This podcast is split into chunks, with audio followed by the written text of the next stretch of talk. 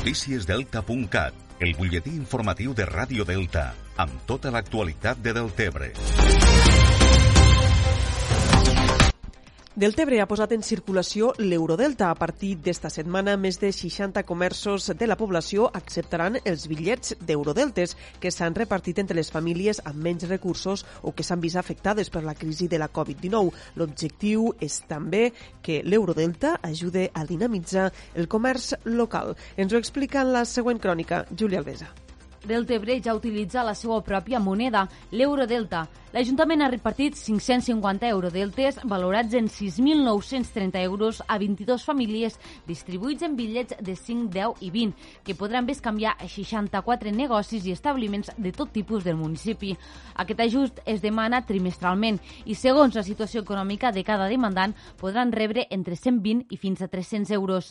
A hores d'ara ja hi ha 27 sol·licituds més que s'estan tramitant per optar als Eurodelta. Eh, les persones que es poden beneficiar d'aquesta esta moneda, que poden sol·licitar esta moneda, l'eurodelta, han de ser persones que hagin tingut o hagin patit pues, un ERTE a la seva empresa o persones que treballen per compte propi o per compte d'un altre, que hagin tingut una reducció dels seus ingressos, persones vulnerables eh, econòmica o socialment, persones també que tinguen a càrrec eh, fills o filles o siguin tutors legals de, de persones entre 0 i 18 anys que estiguen eh, cursant estudis eh, al, als centres de formació, eh, totes aquestes persones que tinguen aquest perfil i que compleixen una sèrie de requisits econòmics poden demanar este Eurodelta.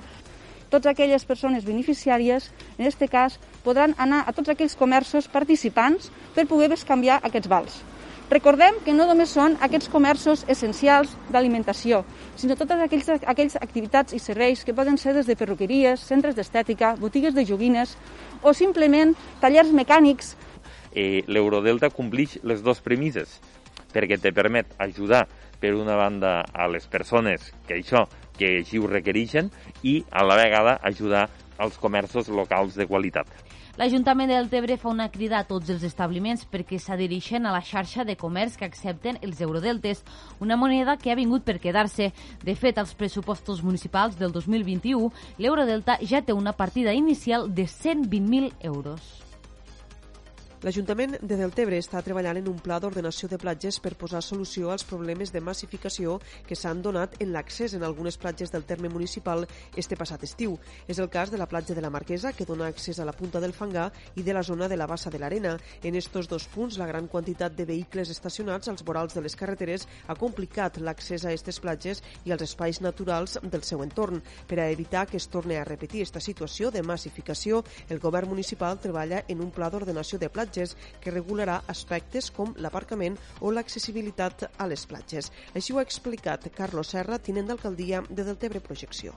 Este sí que és un punt, un punt negre, en aquest cas pues, la platja de la Marquesa, per, eh, per això s'estudia i s'està damunt la taula i s'està treballant. Pues, aquest pla d'ordenació en què ens permetrà en els pròxims anys eh, poder treballar i poder ordenar o planificar i estructurar pues, aquest, no? aquest accés, perquè és una platja pues, que té el seu entorn, el seu encant, és una atracció natural. I pues, el que hem de fer és això, no? organitzar pues, amb, un, amb pàrquings, amb poder pues, que la gent no hi hagi aquesta massificació, que es pugui estructurar, que es pugui mantenir pues, els camins pues, d'accés, que tingui una accessibilitat correcta i adequada i sempre mm-hmm. preservant aquest entorn natural.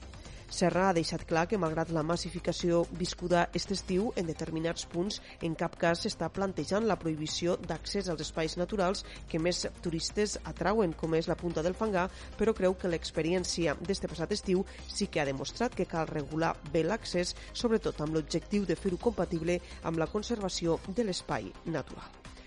D'altra banda, la xarxa de fibra òptica de la Generalitat arribarà al llarg de l'any vinent a gairebé tota la comarca del Montsià i bona part de la Terra Alta i permetrà l'accés a un 70% de la població de les Terres de l'Ebre.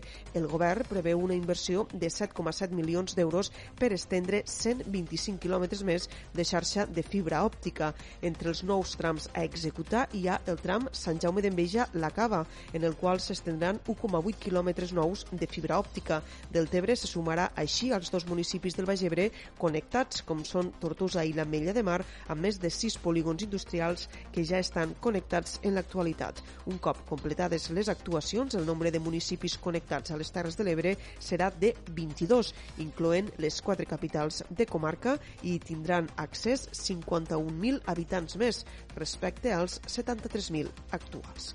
Això és tot el que us expliquem per ara. Ja saben que poden continuar informats, com sempre, a través del portal deltacat.cat.